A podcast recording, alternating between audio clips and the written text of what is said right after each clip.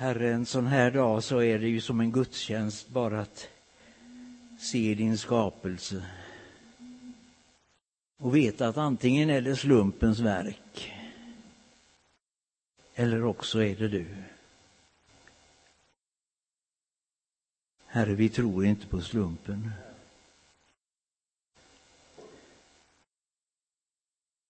Allt har du skapat så så väldigt. Du vet här att jag brukar glädja mig åt att när det uppstod blommor som behövde bin för att fortplanta sig så fanns det bin som behövde blommor. Och det, det kan inte slumpen. Det vet vi, Herre. Så vi tackar dig för livets gåva. Amen. Jag tänkte börja med att läsa en psaltarpsalm. Lite grann just inspirerad av den sköna dagen. Det är nummer 111. Jag läser ur den gamla folkbibeln från 98. Halleluja. Jag vill tacka Herren av hela mitt hjärta i de rättsinnigas råd och församling. Det är ni det. Stora är Herrens gärningar, de begrundas av alla som har sin glädje i dem. Majestät och härlighet är hans verk. Hans rättfärdighet varar i evighet. Han har gjort så att man minns hans under. Nådig och barmhärtig är Herren. Han ger mat åt dem som fruktar honom. Han tänker för evigt på sitt förbund. Kraften i sina gärningar uppenbarade han för sitt folk när han gav dem hedna folkens arvedel. Hans händers verk är sanning och rätt. Alla hans befallningar är fast grundade. För alltid och för evigt står de fasta. De fullbordas med sanning och rättvisa. Han har sänt sitt folk förlossning och grundat sitt förbund för evig tid.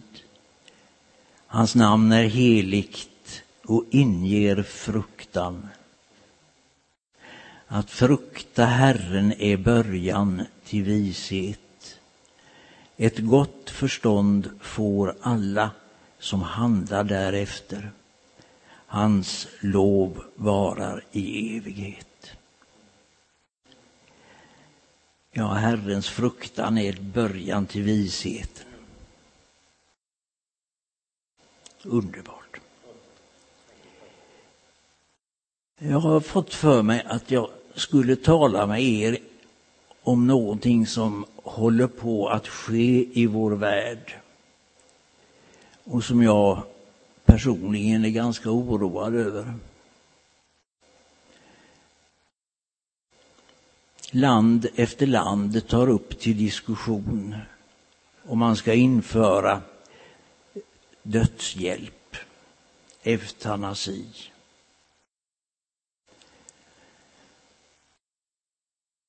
Det finns två former av dödshjälp.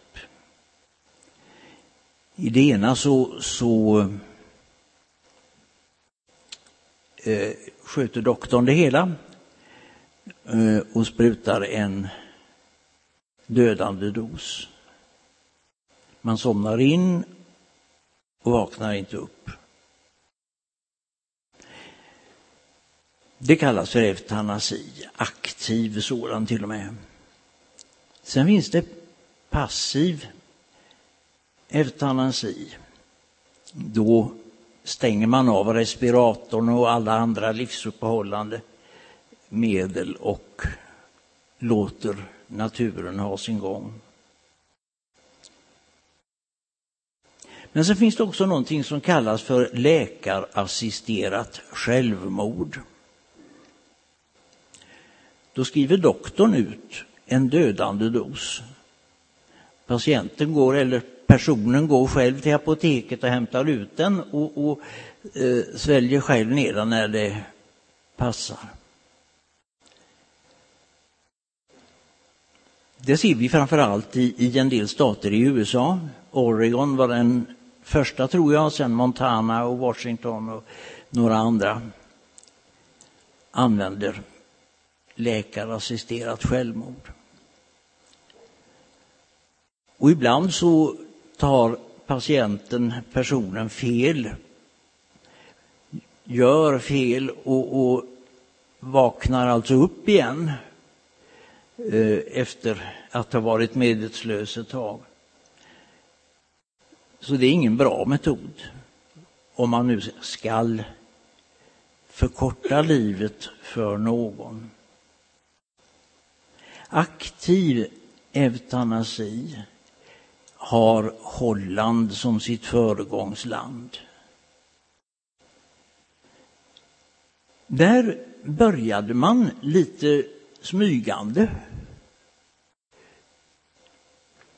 Det var en, en läkare som, som eh, hade någon mamma eller vad det var som var svårt sjuk och han förkortade hennes liv. Och så kom det här upp inför rätta och man, då sa de i, i, i domstolen att ja, det här får man ju förstå. Och så lade de ner åtalet. Och sen kom Läkarföreningen, fackförbundet, överens med Högsta domstolen att, att eh, eh, vi eh, krånglar inte med det här. Utan plötsligt så hade man infört en, en eh, legal metod som verkligen är anmärkningsvärd hade man infört utan att regeringen var inblandad. Det här var någon gång i slutet av 70-talet. Sen eh, 1991 så, så stadfäste man det här i form av, av eh, en lagtext.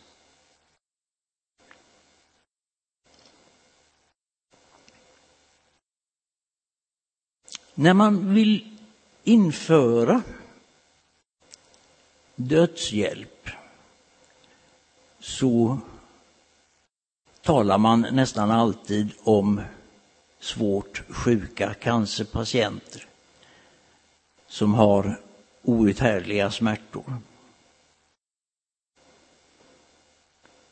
Men det visar sig i praktiken att det finns många andra önskemål om förkortat liv. Och besvärlig blir den här frågan när vi kommer in på psykiatrins område. Därför där hör ju självmordsbenägenhet till sjukdomsbilden. Och den ska ju helst behandlas åt andra hållet så att säga. Men när man inför eutanasi så säger man så här att ja, jag får lov att välja elbolag och jag får välja bilmärke, eh, till och med min fru kanske. Varför skulle döden vara undantagen? Det finns väl ingen plikt att leva?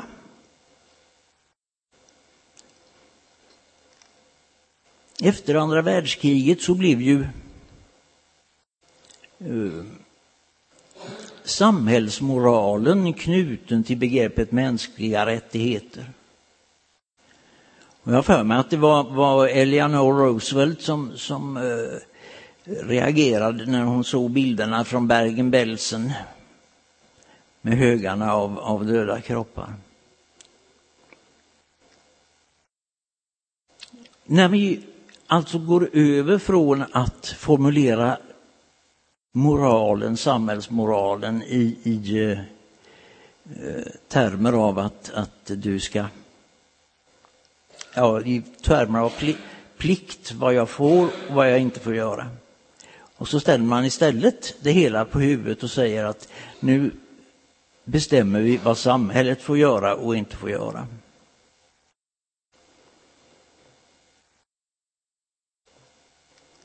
De som är motståndare,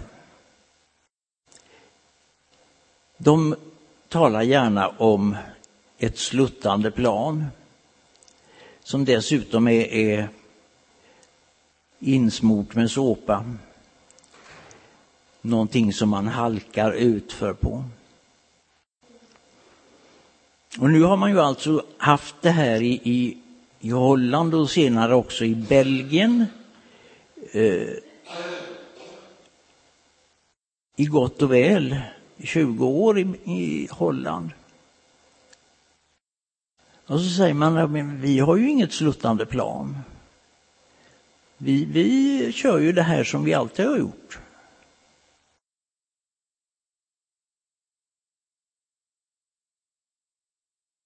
Men det kan få lov att ta tid. Har man en gång infört det här så är det väldigt svårt att avskaffa. Det är som att starta ett krig. Det är lätt. Men att få slut på kriget, det är jättesvårt. Och frågor om liv och död har en speciell klang i våra öron.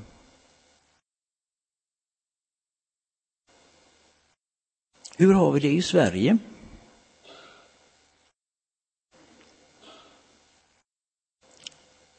Sjukvården i Sverige är på väg mot en, en, jag ska inte säga katastrof, men i alla fall en kraschlandning. För det är så här att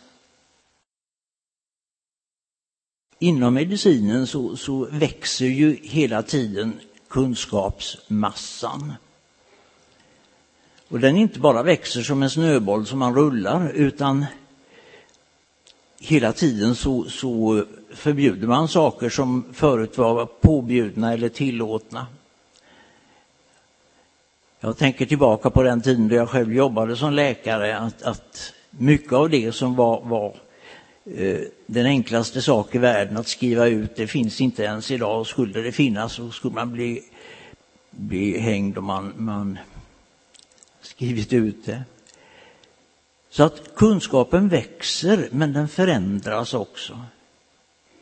Och, och, så småningom så har den vuxit så att det börjar knaka i hjärnkontoret. Och då möter vi den, det fenomenet möter vi med specialisering. Om vi till exempel tänker på psykiatrin så, så håller där på att ske en, en subspecialisering. Somliga tar hand om depressioner, och andra tar hand om psykoser och några tar hand om neuropsykiatriska tillstånd. Och ju mer specialiserad man, man blir, desto fler doktorer blir inblandade i, i eh, de sjukas situation. Allt det här kostar pengar. Fruktansvärda pengar.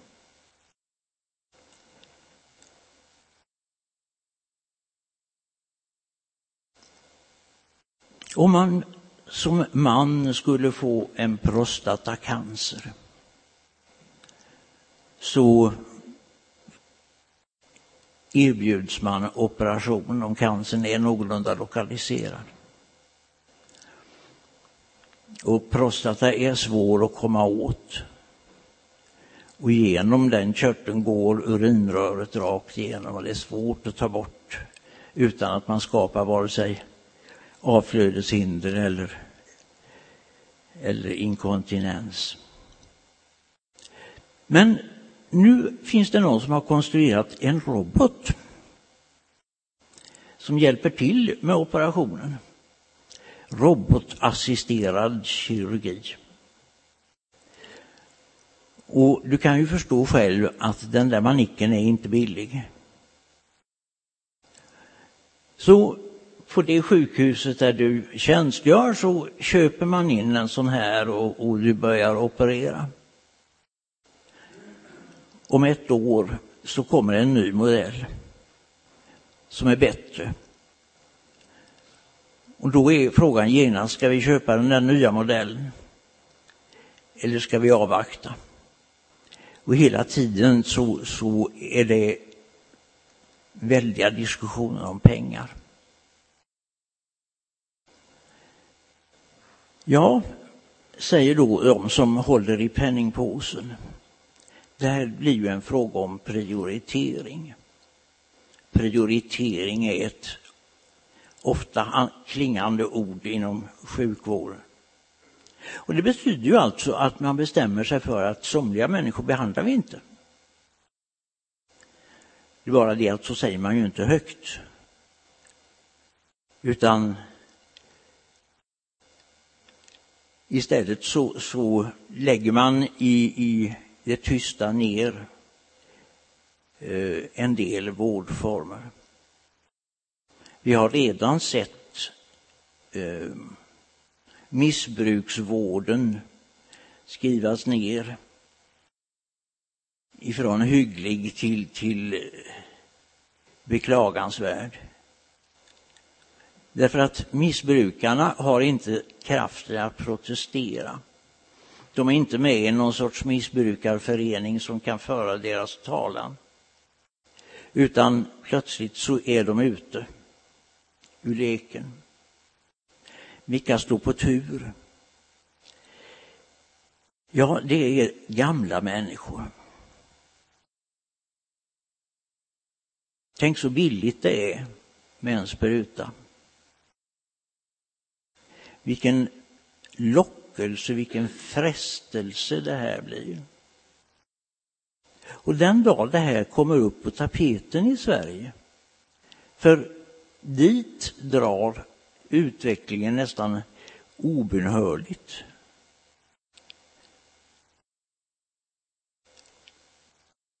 När det här uppstår och du ska vara med och, och kanske säga din uppfattning i en folkomröstning så ska du åtminstone veta vad det är du bedömer. Socialstyrelsen gjorde 2012 en uppskattning av vad vården av dementa kostar i Sverige. Man kom fram till det, det hisnande beloppet 62 miljarder kronor. Tänk så mycket pengar man kan få loss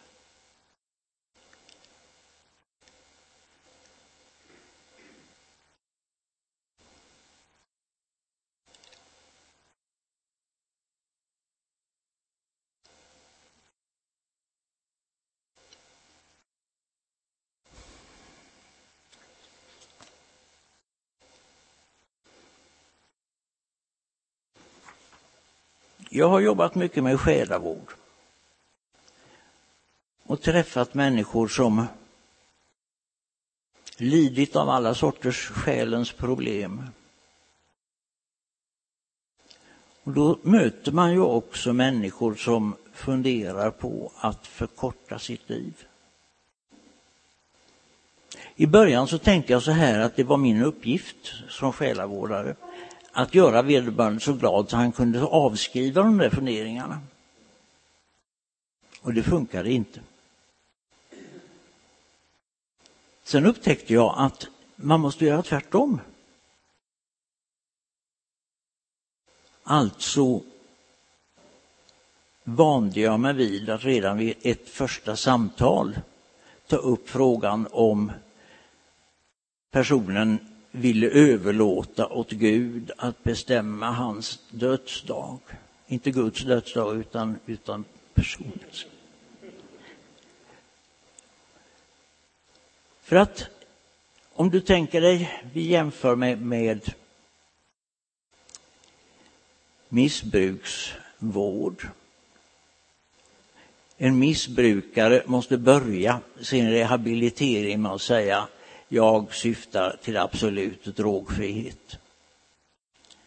Helst också tobak. Då har man en möjlighet att hjälpa. Men om personen säger att ja, jag vill nog kunna ta mig ett järn ibland. Då spelar det nästan ingen roll vad man gör, man kommer ingen vart ändå. Därför att man har hela tiden en bakdörr öppen i livet.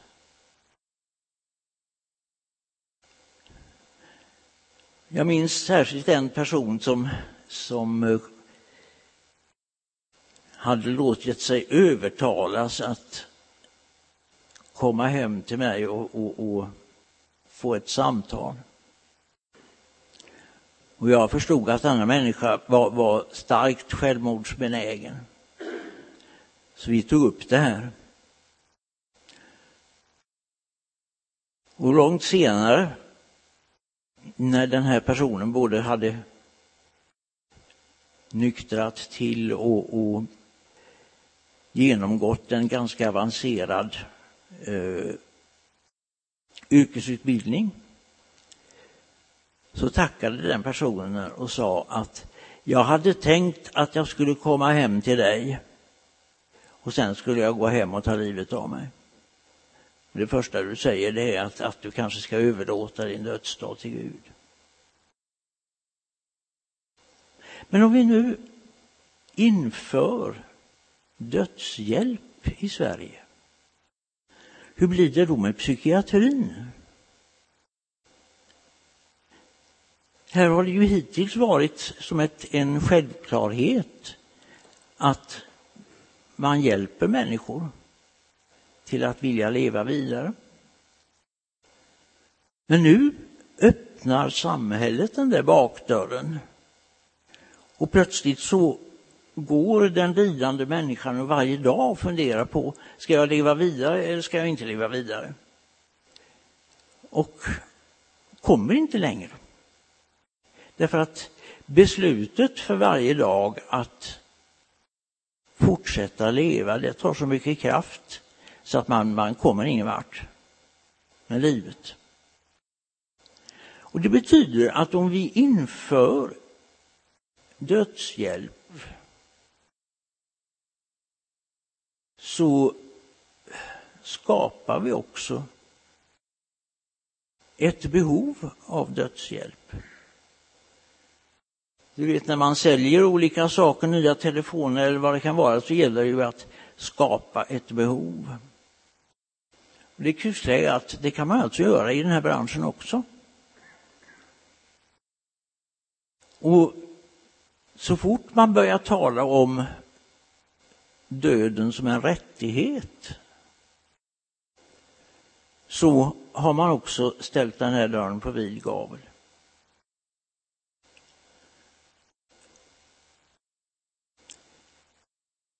Det finns alltså mycket pengar att få loss.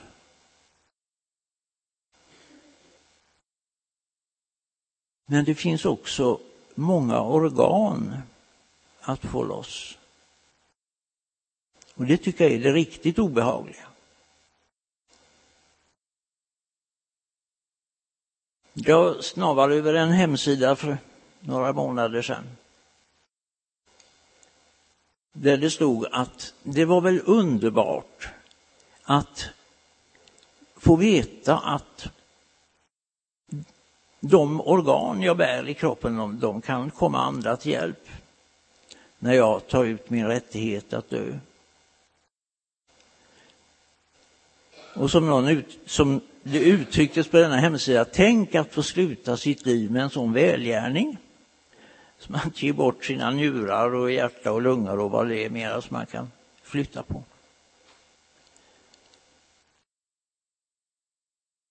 Då blir det ju alltså till sist en fråga om vems ärenden går man?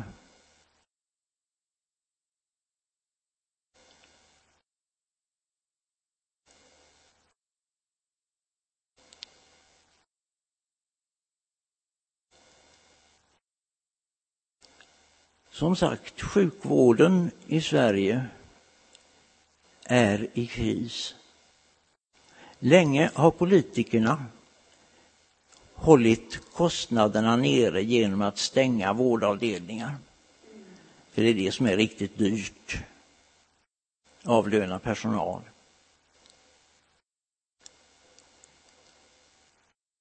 Men de avdelningar som blir kvar skulle ju alltså sköta de, de sjuka som förut sköttes på den där avdelningen som man stängde. Och det betyder alltså att stressen ökar och ökar.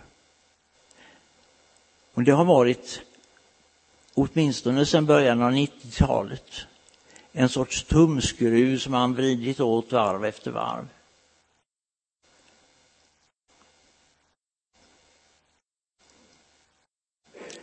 Då drabbas en del i personalen av utmattningsdepression. Och det kostar ju vansinniga pengar för samhället men det går lyckligtvis på en annan budget så det går ju att gömma. Men sen är det också så att många som haft en sjukvårdsanställning, inte minst de som har varit högt specialiserade och duktiga. Du tänker en operationssköterska eller någon som är, är, jobbar på intensivvårdsavdelning. De ersätter man inte på en, en eftermiddag. Och de är väl medvetna om att de är efterfrågade på annat håll. Så sjukvården i Norge talar svenska vid det här laget. Eh, därför att där har man gått andra vägar.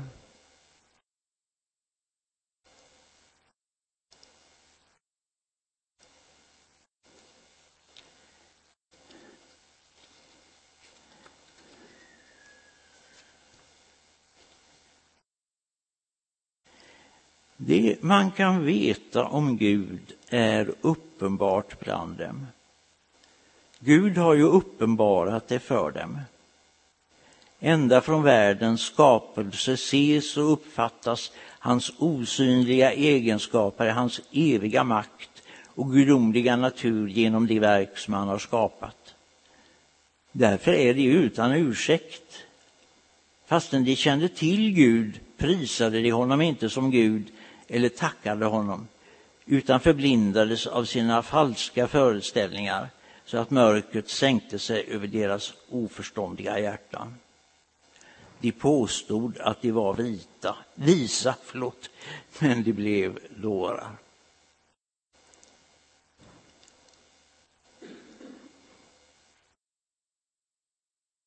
Herre, vi ber att vi ska få din klarhet över de här frågorna. Att vi inte ska lockas in i någonting som vi efteråt kommer att ångra. Herre, du är Herre över liv och död. Och vi kan be också för den tid då vi är på väg hem till dig på allvar. Att du hjälper oss också den sista vägsträckan utan dödande sprutor. Amen i Jesu namn.